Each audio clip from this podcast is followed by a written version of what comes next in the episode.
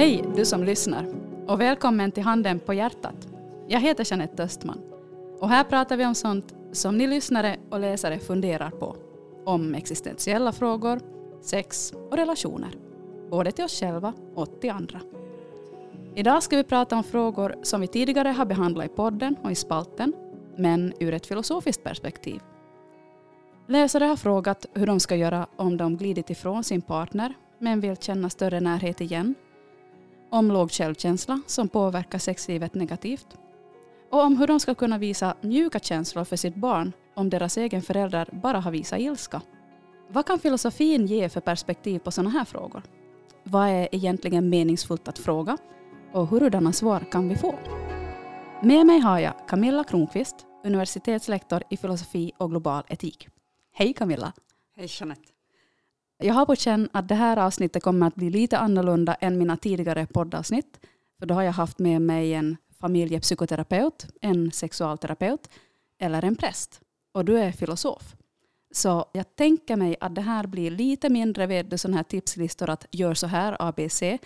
Men ändå kanske ganska mycket relevanta inlägg om hur det är att föra ett samtal, om eh, hur vi ställer frågor och söker svar på viktiga saker i vårt liv. Äh, träffar jag rätt?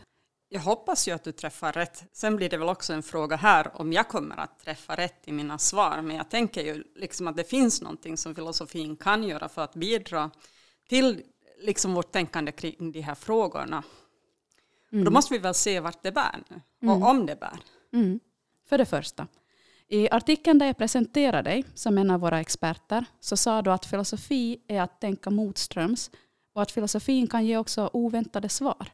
Vad menar du med det? Jag tror att här måste jag ta några steg tillbaka och tänka på liksom, vad är filosofi för en slags verksamhet. Och filosofi handlar om att tänka och idén om att vi kan på sätt och vis tänka bättre.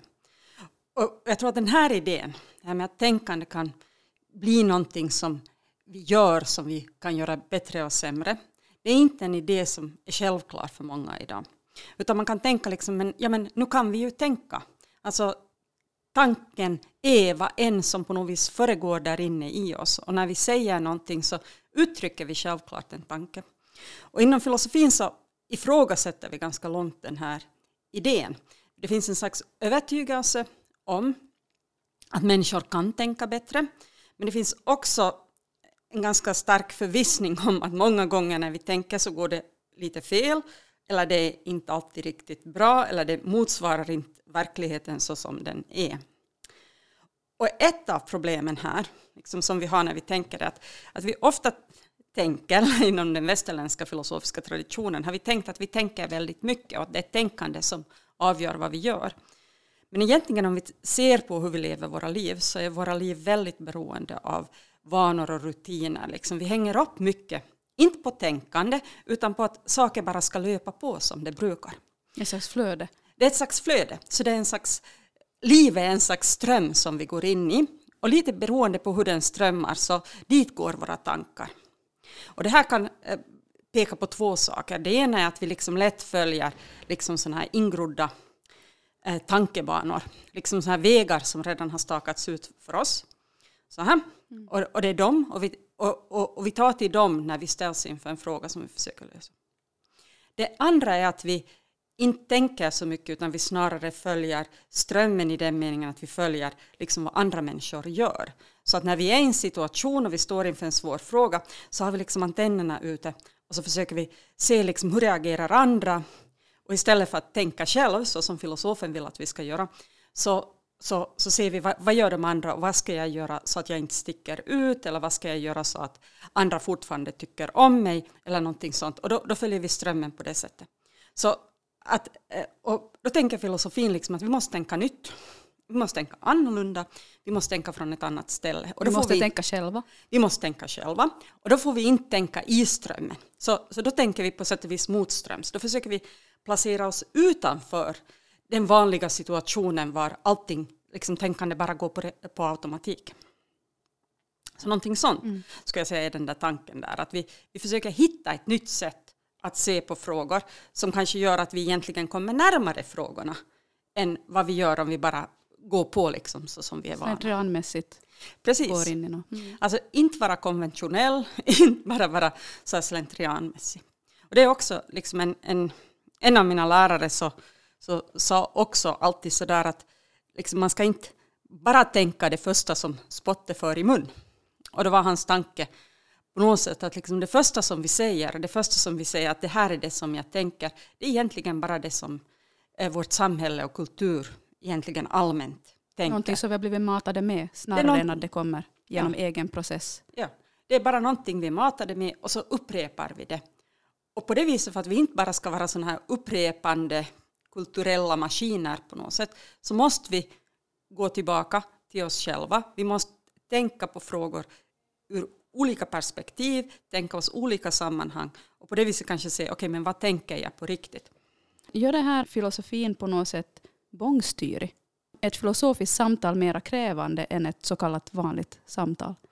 Jag, jag tror att det gör filosofer bångstyriga i många människors ögon. Alltså så här, för att det, det känns som om man inte riktigt vet För var att man är har obekväm, man stryker inte med hårs. Ma, ma, ja, filosofer stryker inte medhårs. De går inte. Man försöker kanske vara lite följsam, eller jag försöker, Rumsren.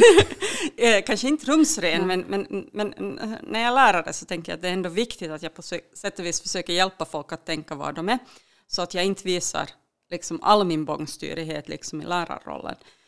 Men i en forskarroll, också mot andra filosofer, så, så tränar vi oss i att på sätt och vis vara bångstyriga. Att vara motspänstiga, att, att hitta på ett argument emot snarare än att försöka se okej, vad är det som stöder det den andra säger. Men det här handlar inte ändå bara om att vara djävulens advokat för sakens skull. Det kan vara för sakens skull ibland och det här är ju aldrig bra. Men, men eh, jag tror också att den här bångstyrigheten eller motspänstigheten den handlar inte främst om att liksom hitta felen i det som någon annan tänker utan det kommer ur en erfarenhet om hur fel vi också själva har haft. Och det här är liksom, alltså, jag skulle säga att filosofi är en sån här mental träning vad du hela tiden konfronteras med. Att du, du tänkte att du hade någon jättebra och fin idé och så märker du att den inte var så bra och fin egentligen. Så att du hela tiden har lärt dig liksom av egen erfarenhet att det här var inte så himla fiffigt som det kändes när jag tänkte den där tanken. Och det här är någonting som vi först märker när vi liksom sätter ut våra tankar. Så på det viset är det filosofiska samtalet sån här prövande av tankar. Vi slänger ut den här, eller vi, vi tänker efter länge och så sätter vi ut det och så prövas det. Och då vet andra att för att jag ska hjälpa den här andra så mycket som möjligt så måste jag visa var det inte riktigt håller ihop. Ja, alltså det är en slags mental gymnastik, liksom en sån här mindbuilding kunde man säga. Mm. Kan alltså filosofin tillföra i en diskussion om då, till exempel relationer? Hur vi förhåller oss till oss själva och till andra människor? Jag tänker att filosofin här kan hjälpa oss att förstå vilka slags problem vi står inför inom eh, mellanmänskliga relationer. Vad som är bra i de här relationerna, varför de är viktiga för oss, varför vi behöver dem, men också vilka slags utmaningar de ställer oss inför. Och genom att på sätt och vis inte bara acceptera de första frågorna som vi kanske ställer oss utan att gräva djupare så kan vi bli klarare på liksom vilka slags frågor står vi inför inom relationer. Vad för slags problem är relationsproblem? Och att förstå vad, vad det är för problem vi har att göra med är, är nödvändigt för att på sätt och vis kunna lösa dem eller upplösa dem eller liksom komma, hitta en väg ut ur våra problem. Annars kan det hända att vi handskas med skenproblem. Kan du ge ett exempel? Jag tänkte till exempel så här att, att vissa av de här tankeverktygen som vi har, de här tankebanorna som vi går inför, det är att vi, vi väldigt lätt när vi står inför någonting som känns främmande eller obekant så försöker vi fråga vad är det här? Uh, hur kan vi definiera det? Vad ska vi göra? Eller sen kan vi fråga varför är det så här? Vad ska vi göra? Sådär. Och, och det här kan vi också, de här frågorna kan vi också ställa när vi stöter på problem som har att göra med kärlek. Liksom att när vi börjar undra att vad är det riktigt som går fel här mellan dig och mig så börjar vi tänka att, att på vilket vis har det här att göra med vad kärlek är? Och så börjar vi undra, men vad, vad är kärlek egentligen? Eller, eller varför blir vi så här när vi älskar? Och då kanske vi börjar söka efter liksom en definition, ett uttömmande svar på frågan, eller vi försöker hitta en psykologisk förklaring till att människor beter sig på olika sätt. Och då ska jag säga, okej, okay, men, men, men det kanske inte var det problem som vi hade. Liksom så här att, att nu, nu är du och jag här och, och någonting funkar inte i relationen mm. mellan oss. Mm. Och då är det så här att okej, okay, nu kommer jag med en definition på vad kärleken är som jag har läst hos någon filosof eller någonting sånt. Och, och jag tänker att det här inte kommer att direkt liksom lösa problemet som finns här emellan oss. För problemet kanske är det att, att det finns någonting som jag gärna skulle vilja säga till dig, men som jag inte vågar berätta för dig. Eller det finns något sätt som jag tycker att alltid när jag säger någonting visst åt dig så, så, så drar du dig in i dig själv. Du liksom bygger ett skal omkring dig. Och du vill inte liksom ta den diskussionen. Och då tänker jag att liksom den här idén om vad som händer i den här nära dynamiken mellan människor. Så den kan vi bara förstå om vi börjar förstå varför kan det vara svårt till exempel att säga vissa saker till någon annan.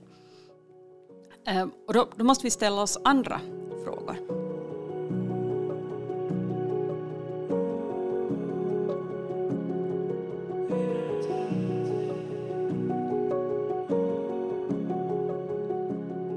Hurdana frågor tänker du att kan vara fruktbara? Ehm, vi tar en av frågorna som kom att eh, till exempel jag och min partner, vi har glidit ifrån varandra. Vi skulle vilja känna större närhet igen, eller jag skulle vilja känna det.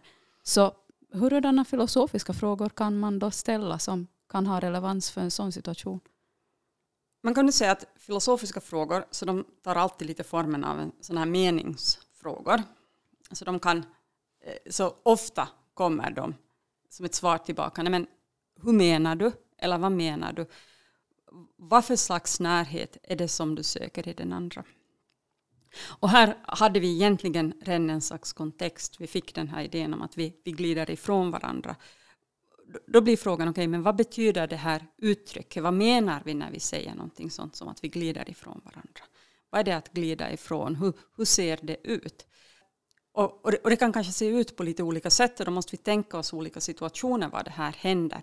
Är det till exempel så att vi har liksom haft så mycket tid med till exempel eh, jobb och barn och någonting sånt att, att vi helt enkelt inte har skapat någon gemensam tid för oss själva. Och på det viset så har vi utvecklats i vårt jobb, i relationen till barn, men vi har aldrig riktigt haft tid att liksom diskutera vad det var som hände mellan oss två och, och vad de här andra sakerna hände. Så att vi på något vis har gjort arbeten med oss själva som vi inte har gjort i relation till den andra. Och vi har inte funderat på vad, vad betyder det här för oss. Så det kan vara ett sätt som man glider isär. Det andra kan vara, och, sånt här händer, att, att på olika sätt när vi inte är tillsammans och gör saker så upptäcker vi kanske inte den där glädjen som ursprungligen drog oss till varandra. Och så börjar vi kanske känna oss lite främmande inför den andra den andras kropp som en gång tidigare liksom var någonting som man ville utforska och se är på något vis en sån här, ja, en annan kropp i mitt hem. Vad ska jag göra med den på något vis? Och, och då har vi kanske lite annorlunda problem och så drar jag mig in i mig själv också och kanske får ett sån här skal och jag vet inte riktigt vad jag ska göra om en person kommer till en filosof och beskriver det här bekymret och du har sagt de här sakerna, då vad blir steget vidare? Det går väl just genom att jag på sätt och vis börjar få en slags insikt om vad mitt problem var och också att jag på något vis får en insikt om vad det här problemet kräver av mig. Och det här som just sådana här listor eh, är någonting som jag är ganska orolig över eller eh, som bekymrar mig. För det kan låta som då att okej, okay, här, här, här får du en en väg att gå. Och bara du gör det här så, så kommer den här närheten att Mekaniska saker. Det, det, är liksom en, en sån här uh, satisfaction guaranteed. Mm. Och då ska jag säga, det, det, här, det här går inte, men det kan hända att det går när du går in med viljan att arbeta med dig själv och fundera på saker. Då kommer det antagligen också att fungera. För att du har på något vis rätt inställning till det. Men, men om problemet är din inställning så, så kommer inte de här stegen på något vis att ta dig dit. Och det är just det här arbetet med vår egen inställning som oftast är så svår när vi har att göra med relations svårigheter. På vilket sätt? För att, för att vårt första sätt att reagera ofta är så här att någonting händer mellan dig och mig och det är inte längre som förut. Och då tänker vi ofta att liksom, problemet inte ligger hos oss utan problemet ligger hos den andra. Så det är du som har förändrats. Vi ser kanske inte själva hur vi själva har förändrats för att vi på sätt och vis lever i en, vi lever med oss själva hela tiden så vi kan inte märka sådana här skiftningar mm. som sker. Det är lite sådär som alltså att, att äh, när människor går in i en depression eller en utbrändhet eller någonting sånt så den här en process som oftast tar ganska lång tid. Människor från utsidan kan se det Alltså att någon lite tappar lusten, någon är inte längre lika glad, lika spontan, lika mycket med. Så här. Men inifrån så kanske vi inte alls ser den här förändringen, för det är liksom vi ser världen mm. utåt och vi ser inte oss själva i relation till världen. Så, så på något vis så börjar vi alltid då där att problemet ligger i världen. Om någonting känns dåligt i mig så var det ditt fel. Och det är du som ska ändras. Och om du ändras så då kommer säkert också jag att känna det som jag kände tidigare eller jag kommer att må mycket bättre, jag kommer att, att uh, vad som helst annat. Så vi projicerar liksom väldigt mycket på den andra. Jag upplever att filosofin um, placerar tillbaka ansvaret på väldigt mycket hos en själv. Ja, den filosofin som jag kommer ifrån, så den, den gör det på det viset att säga att okej, okay, men, men vi måste på något vis se relationsproblem på ett sätt och vis som någonting som involverar en individs ansvar för vilken mening den ser i sitt liv. Alltså just äh, vilka slags möjligheter till mening ser jag i mitt liv? Ser jag den där möjligheten ens att mitt liv kan verka meningslöst för att jag har tappat lusten? Eller tänker jag bara liksom att, att livet har blivit sämre på något vis av sig själv?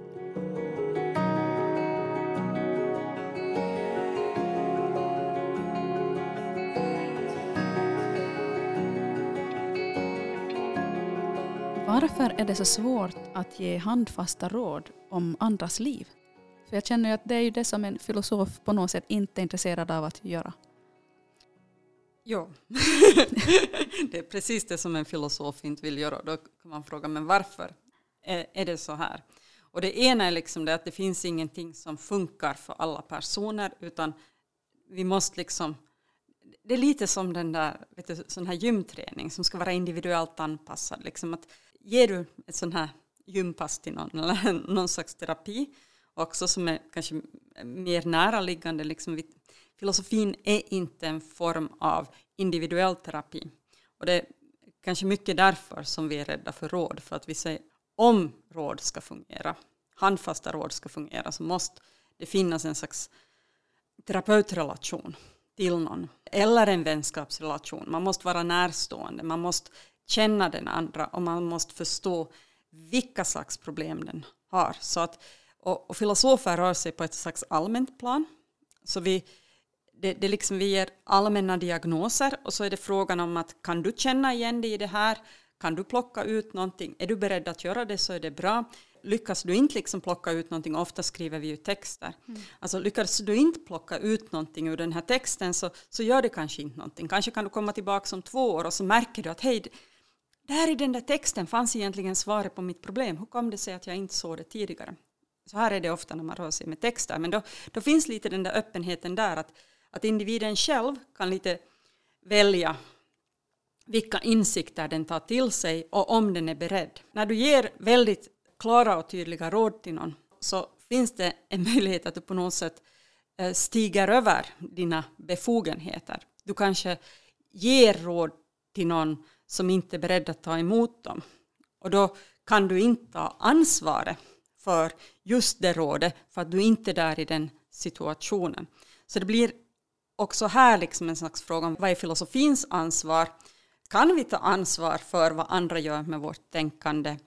Och vad är individens ansvar att själv på sätt och vis ta sig an de där frågorna? Om vi tänker på relationsfrågor, så vad upplever du att är individens ansvar? ur ett filosofiskt perspektiv?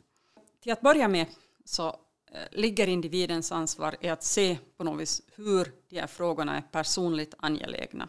Alltså hur de berör mig som en person och hur jag måste på något vis svara för dem eller ge svar på mina egna frågor i någonting vi skulle säga i första person. Alltså jag måste komma in och svara som ett jag. Och därför kan egentligen inte filosofin komma in, för jag kan inte komma in i ditt liv och svara för dig som ett jag. Absolut enklaste exemplet på det här tror jag är just det här man tänker på kärlek och orden jag älskar dig. Liksom, jag kan inte gå in och säga jag älskar dig till någon annan i ditt ställe. Det, det, liksom, det funkar inte. Det går inte. För liksom, det är du som ska älska, inte jag. Och då kan jag tänka vad som helst om vad du gör och att du älskar eller något sånt. Men jag kan inte, jag kan inte gå dit och prata för dig. För det är din relation. Så det, där har vi den här, det finns ett jag som måste inse att det finns vissa saker som enbart jag kan göra som ett jag. Mm. Och att det är viktigt att jag tar mig an de här frågorna, för det det som kommer att möjliggöra för mig att på sätt och vis vara i relation till andra som ett jag som inte finns om jag inte tar det där ansvaret. Men det där låter ju som att det förutsätter ett aktörskap. Att man inte bara flyter med eller är passiv i sitt liv eller i sin relation. Och här ser, ser man ju då hur filosofin på sätt och vis alltid utgår från det här aktörsperspektivet. Det är liksom ett ett perspektiv som utgår från individen som tänker tillsammans med andra, men var det här samtänkande, eller samvaro med andra i en slags tänkande gemenskap, alltid kräver liksom att individen tänker för sig själv, känner för sig själv och tar ansvar för sig själv. Men var kommer den här kontaktytan då? Om jag tänker att jag som ett jag har dessa tankar, känslor, reflektioner. Mm. Du som ditt eget jag har samma sak. Och de här kan ju ha alla möjliga olikheter. Så hur möts man i en relation då när dessa två jag mm. kan ha så olika uppfattning om en sak? Det är kanske där som vi kommer in till den där idén om ett slags gemensamt tänkande. Och vad det betyder att vi tänker tillsammans. Och här ska man då säga så här, lite stort, så att vi delar alla samma språk. Vi kan använda ord på lite olika sätt, men någonstans blir det viktigt att vi delar ett språk för att vi ska kunna kommunicera. Så när jag säger jag älskar dig till dig så, måste du kunna, så betyder det här också att jag, jag, jag står till svars för en viss kritik som du kan rikta till mig. Du kan säga åt mig om du älskar mig så skulle du inte ha gjort det här. Mm. Du skulle inte ha varit otrogen på det här sättet eller du skulle inte ha misshandlat mig eller gjort någonting sånt här. Mm. Om jag då säger jo, men jag har en egen definition av kärlek och det var enligt den definitionen som jag sa att jag älskar dig, så skulle filosofer säga nej, men det här går ju inte för sig. Stopp, stopp, stopp. Här kan vi inte gå. Utan vi måste på något vis, för att de, mina ord ska ha mening, så måste de få betyda någonting för dig och du måste få förvänta dig någonting av, av mig. Man måste alltså vara överens om begreppen och definitionen, innebörden. Ja, det, det måste finnas någon slags enighet om vad de här orden betyder. Till exempel att kärlek är någonting bra. Så här. Mm. Som grund. Att, som grund, ja. att det är någonting bra. Mm. Och att om någonting verkar gå fel så har vi en konflikt där. Så mm. kärlek dåligt, det verkar inte matcha. Någonting motsäger sig, hur får vi det att gå ihop? Mm. Och det är kanske där liksom som också de här, som jag skulle säga, de här personliga filosofiska frågorna om kärlek stiger upp när vi helt plötsligt börjar känna Kärlek kändes jättebra, jättebra, nu känns det inte lika bra. Vissa saker känns till och med ganska jobbiga. Är det längre kärlek? Är det längre kärlek? Mm. Mm. Och då, blir liksom, då kommer det en, liksom en annan dimension in, mm. där i vad filosofin kanske kan säga. Alltså, betyder det där att någon en gång brister eller två gånger, betyder det att någon inte älskar? Får vi brista i kärlek? Får vi brista i att leva upp till kärlekens krav? Och jag skulle säga att en försonlig syn på kärlek säger att det är helt okej okay att brista vi måste bara komma ihåg att vi varje dag liksom står inför en ny möjlighet att försöka på nytt. Alltså sådär, kravet finns där, men det finns där gång på gång. Och kärleken, kanske man skulle kunna säga, för inte bok. Mm. Eller det är inte kärleksfullt att hålla på och föra bok på det där sättet. Sådär att, som man ofta gör i gräl. Så här mm. att, att helt plötsligt så visar det sig att de här gamla grälen och konflikterna man hade, så de, man kanske trodde att man hade löst dem men nu helt plötsligt så är jag där och sa men, men du sa ju det där och, och så gjorde du så där och sen var det det där och det där och så började jag lista alla de där sakerna som visar att jag egentligen inte kunde förlåta dig för att du hade gjort de där sakerna. För jag var hela tiden beredd att plocka upp dem igen och använda dem som ett vapen mot dig.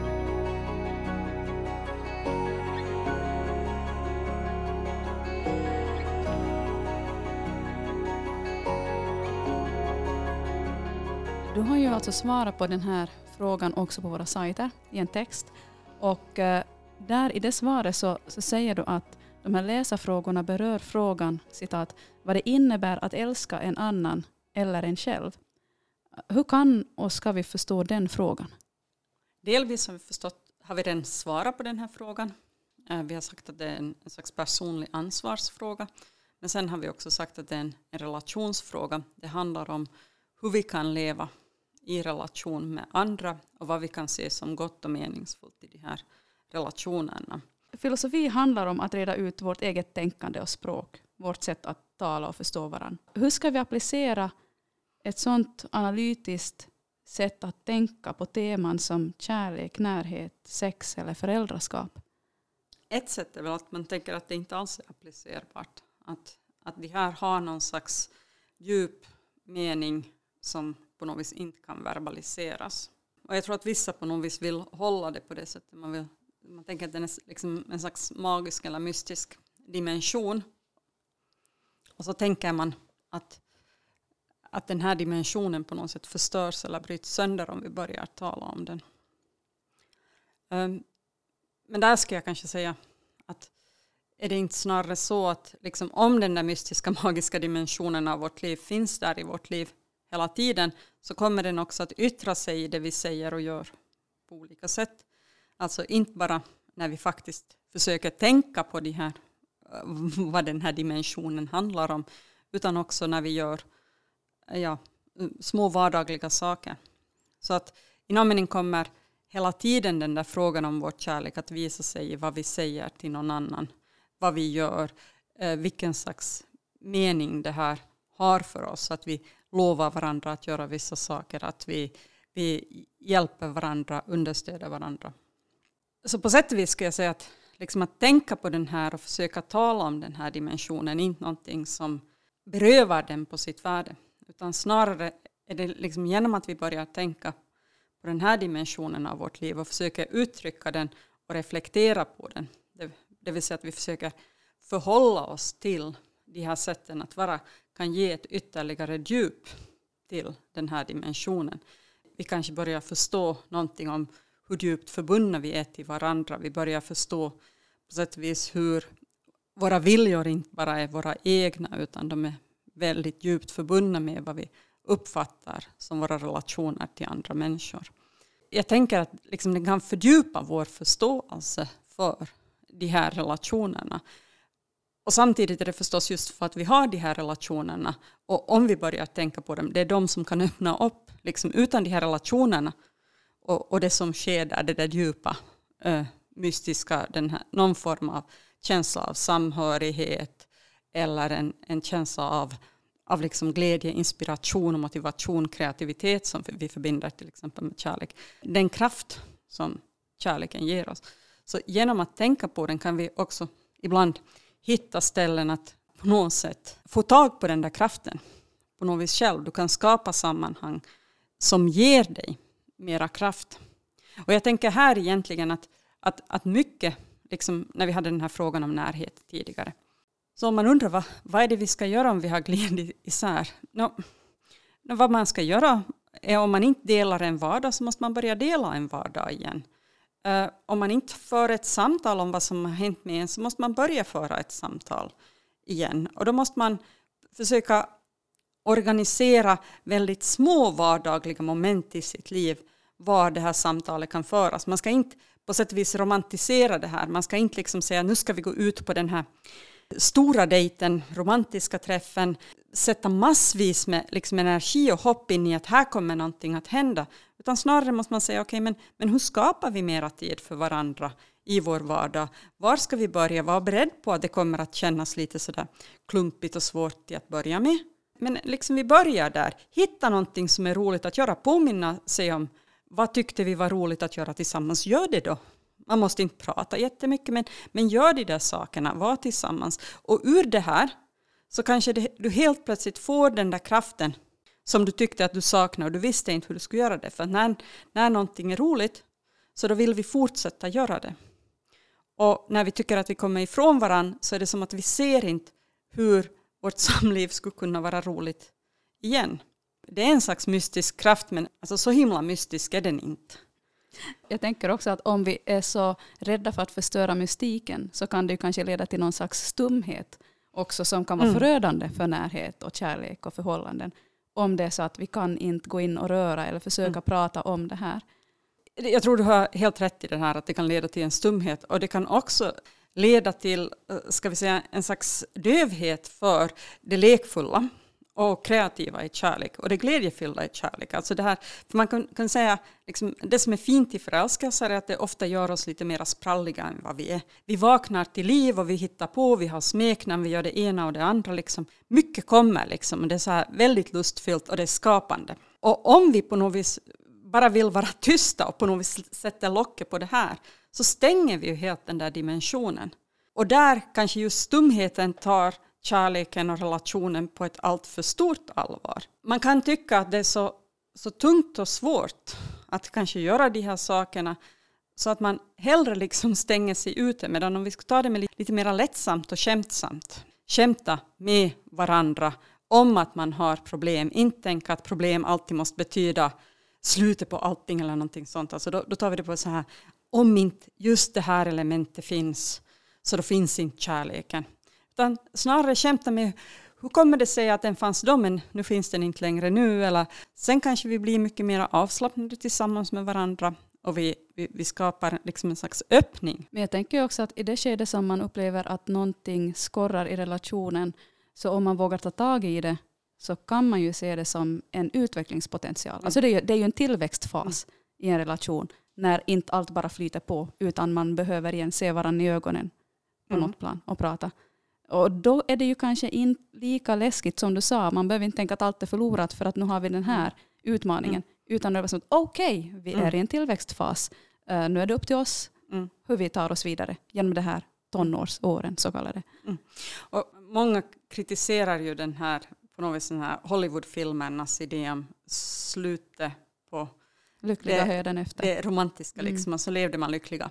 Uh, hela livet. Och grejen är ju den att en relation är ju inte någonting som slås fast en gång, utan en relation är ju levande, så som vi är levande. Det är minst två levande parter i en relation. Och vad vi gör är att vi delar liv, det vill säga att vi lever någonting som hela tiden är i förändring, som utvecklas, som har en möjlighet att öppna sig upp mera, men också sluta sig från det, för att livet kommer med glädjeämnen men också med påfrestningar. Och, och frågan är hur, hur relaterar vi som individer till det här? Här har vi också den här frågan, mitt liv. Det är också en fråga om en relation. Relation till sig själv? Eller vad tänker ja, du? Synen? Till, till att jag lever det här livet. Mm. och, så jag har en relation till det att jag är en levande varelse. Jag har i någon mening också en relation till mig som den jag är som lever det här livet. Jag står i en relation till mig själv, jag står i en relation till den andra och jag står i relation till det här delade livet som vi skapar och som vi hela tiden skapar. Mm.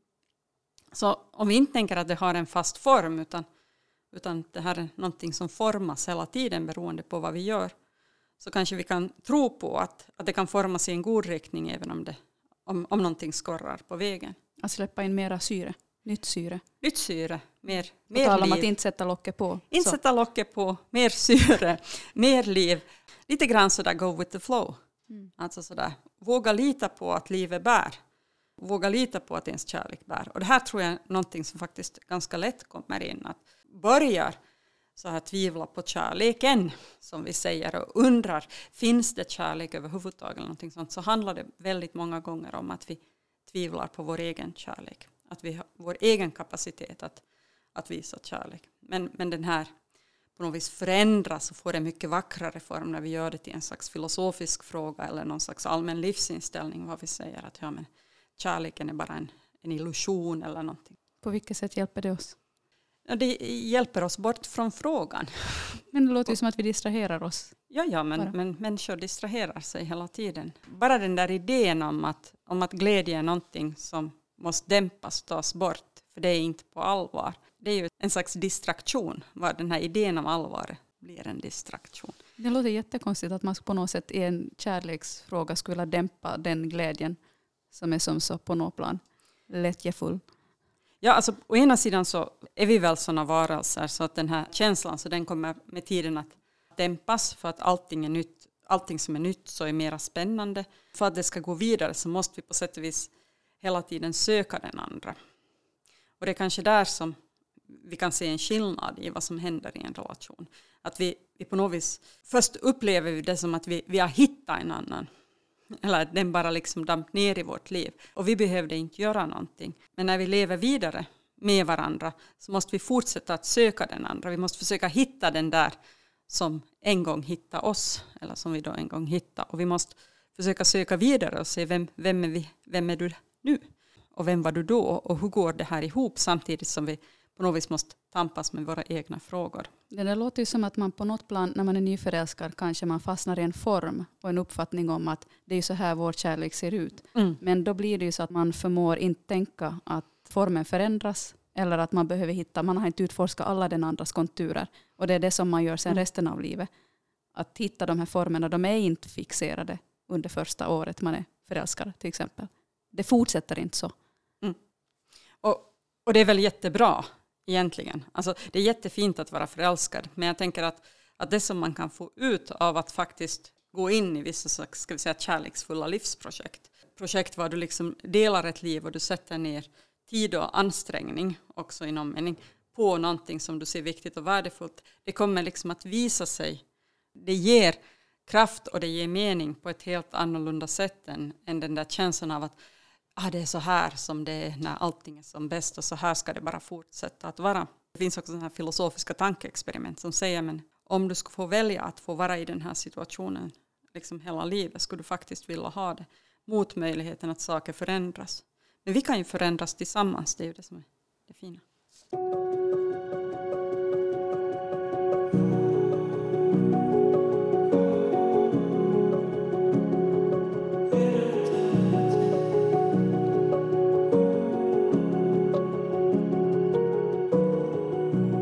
Jag upplever att filosofin sällan besvarar en fråga med ett rakt svar utan med nya frågor.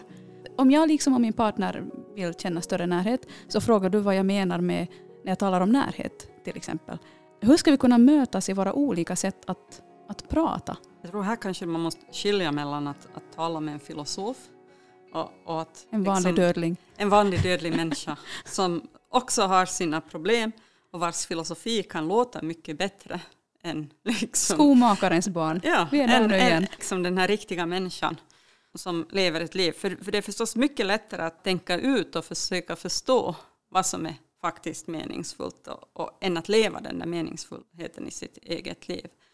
Så det här kanske är en möjlig väg och, och då är kanske frågan liksom, vad är det för slags stöd jag kan söka i filosofin och, och vad är det för slags stöd jag kan söka i andra relationer, till exempel vänner, kollegor, familj. Och då tänker jag ju så här att filosofin är inte där för att avsluta ett samtal, utan filosofin är där för att sätta igång ett samtal. Det jag tänker när jag skriver någonting är att det bästa som kan hända är att någon på något vis tänker, men vad var det här? Och då måste man inte tänka, men vad var det här? Det här var ju jättebra, det här hjälpte mig. Utan man kan också tänka, herregud, det där var ju en dum tanke, så här kan man ju inte tänka. Och sen tar man upp den här tanken med någon annan. Och så föds ett nytt samtal. Och så kan man själv börja utforska de här frågorna och tänka, men hur tänkte du på det här och reagerar du så här? Och så ser man den andras reaktion, den andra säger, nej men jag tyckte nu kanske inte att det var så farligt. Och så kan man säga, nej men varför inte då? Och så, och så börjar vi diskutera. Och så kanske vi tar det vidare och det här samtalet fortsätter. Jag tänker på sätt och vis att filosofin är en slags ett, både ett inre och ett gemensamt samtal. Vi ställs inför vissa frågor och vi går och bär dem med oss och så bearbetar vi dem och så kommer vi tillbaks till dem och så tänker vi jaha, hur var det med det där? Och fortfarande har jag inte löst det och så kommer det en dag när vi plötsligt tänker okej, okay, men så här, så här kunde jag tänka på den här frågan. Nu kanske jag förstod vad det var hon menade där. Och nu gör det mening för mig. Å ena sidan har vi de där frågorna med oss, men det, eh, det mest fruktbara är när, när vi för de här samtalen tillsammans. När vi får höra vad en annan tänker. Det inspirerar också till nya frågor. Mm. Alltså det väcker liksom vårt tänkande till liv. Och jag tror där den där idén om att tänkande bara skulle sitta inne i oss själva, vara klart, det, det, det missar hur andra människor väcker våra tankar. I ditt textsvar så listar du också olika slags, vad du kallar det, frågeverktyg mm. som kan liksom vara till hjälp när man vill fundera på olika frågor, till exempel kopplat till relationer. Varför är det så viktigt att vi är exakta i vår fråga? Jag skulle säga så här att vi kan bara få bra svar och någorlunda bra lösningar om vi förstår vad vårt problem är. För att förstå vad vårt problem är så måste vi på något vis formulera rätt fråga. För så som man frågar så kommer man att få svar. Att liksom beroende på vad vi tänker att vi har för någon fråga så kommer liksom vårt svar att följa på det. Om jag liksom tänker på frågan om närhet, till exempel bara som en slags teknisk praktisk fråga, jag måste liksom uppöva någon färdighet eller någonting sånt, så kommer vi att missa att problemet kanske låg någon annanstans. Och det här är kanske så här en tanke som jag har, det finns många idag som säger att ja, men jag är väldigt fokuserad på problemlösning. Det här låter ju väldigt fint, det låter som att man får någonting till stånd, men vi måste också komma ihåg att det finns människor som är väldigt fokuserade på problemlösningar, Var det där att lösa problemet främst handlar om att få bort problemet, att gömma undan det. Och de här människorna skapar ofta, tänkbara arbetsgemenskaper, problem för många andra. Så deras sätt att lösa problemen var att skapa problem för någon annan. Och det här kan ju också hända i en relation. Liksom. Jag säger att okej, okay, det är det här problemet vi har, det ska lösas på det här sättet och jag talar inte med dig om du ser det och sånt. Och då, då liksom skyfflar jag inte bara bort problemet från mig, jag skyfflar också över det på dig. Du menar att man hanterar symptomen och inte orsaken? hanterar symptomen och inte orsaken. Eller man tror sig som ha ett hanterbart problem för att känna att okej, okay, nu måste jag inte hantera det här. Och då tänker jag ju just det här när jag listar de här olika frågorna så tänker jag att, att det som vi oftast gör fel i, vi oftast kommer in i de här kunskapsfrågorna eller de här praktiska frågorna. Att antingen handlar det om att jag måste veta mera, jag måste förstå mera, jag måste ha rätt, jag måste kategorisera rätt. Eller så handlar det om att jag måste ha praktiska handlingsmodeller och strategier för att liksom lösa ett problem. Det är liksom teknik ska komma in. Och jag tänker att det är jättebra att vilja lösa problem. Jag, vill, jag är också en problemlösare. Men för att lösa problemet så måste vi först formulera vad vårt problem är. För det är bara då som vi får verktyg för att lösa de problemen. Det är lite grann sådär som att, att tänka att vi skulle kunna lösa alla problem på ett sätt. Det är liksom att, att ge någon en hammare och säga att bygg nu ett hus. Nästa dag ger jag dem brädor. Men de har fortfarande bara den där hammaren, de har ingen spik och de har ingen såg som de kan börja såga med. Liksom, så som när vi bygger ett hus så behöver vi olika verktyg och när vi bygger upp vårt tänkande, vårt gemensamma språk så behöver vi också olika verktyg för olika behov, olika problem. Så därför måste vi bli bättre på att på något vis när vi börjar se, okej okay, men vi har, det kan fråga om allt det här, så kan vi på något vis börja kanske kryssa av om vi vill riktigt vara sådana här problemlösare. Vad är det här det handlar om? Vad är det här det handlar om? Och då ser vi liksom, är det det att jag tycker att någonting är orättvist? Till exempel i hur vi fördelar hushållsarbete. Är det det som gör att vi glider isär? Eller är det det att jag inte riktigt tycker att jag når dig när vi pratar med varandra? Varför når jag inte? Är det för att du gör dig onåbar eller är det för att jag själv inte riktigt vågar berätta det här? Är jag rädd att ens ta upp den här diskussionen med dig? Va, vad är det egentligen som händer i relationer? Och det här händer ju jättemycket i relationer. När vi, när vi är jättebra på att tala om våra relationsproblem med andra men inte med, med den som vi står i relation till. Vad är det som händer då? Va, va, och vad gör vi i de andra relationerna när vi går och säger ja men min partner det och det och det och det. Vad är det de andra gör när de säger jo, jo så här är det nog. Det här är en slags dynamik som jag ofta tycker att man ser speciellt i heterosexuella relationer men inte bara där. Det kan handla om att man behöver stöd för att gå in i relationen och sen liksom konfrontera de där problemen. Man behöver hjälp att liksom se sig själv klart och tydligt. Men ibland kanske det bara handlar om att man, man går dit för att få stöd i sin känsla att man nog vet var, var problemet ligger och att problemet ligger i den andra. Mm. Blir liksom någonsin människan Camilla trött på, på filosofen Camilla och längtar efter några enkla och raka svar? Jag menar, du är både människa och filosof. Du har liksom mm. ett analytiskt sätt att fundera mm. kring känslor och relationer. Samtidigt så är du en människa med olika relationer i ditt liv. Du mm. delar ditt liv med andra, du känner saker. Mm. Alltså hur navigerar du mellan att se filosofiskt på ditt liv och att, att leva vardagen? Mm. Det finns nog många gånger som jag blir trött på filosofen Camilla. Främst för att liksom, filosofen Camilla är, på en, är sån här ständigt på gymmet. Mm. Det mentala gymmet. Alltså sådär och ibland så skulle människan Camilla bara vilja ligga på soffan och inte fundera på någonting alls, inte beröras av världen eller så här. Men jag undrar, det är inte det där med att, att det inte är raka svar.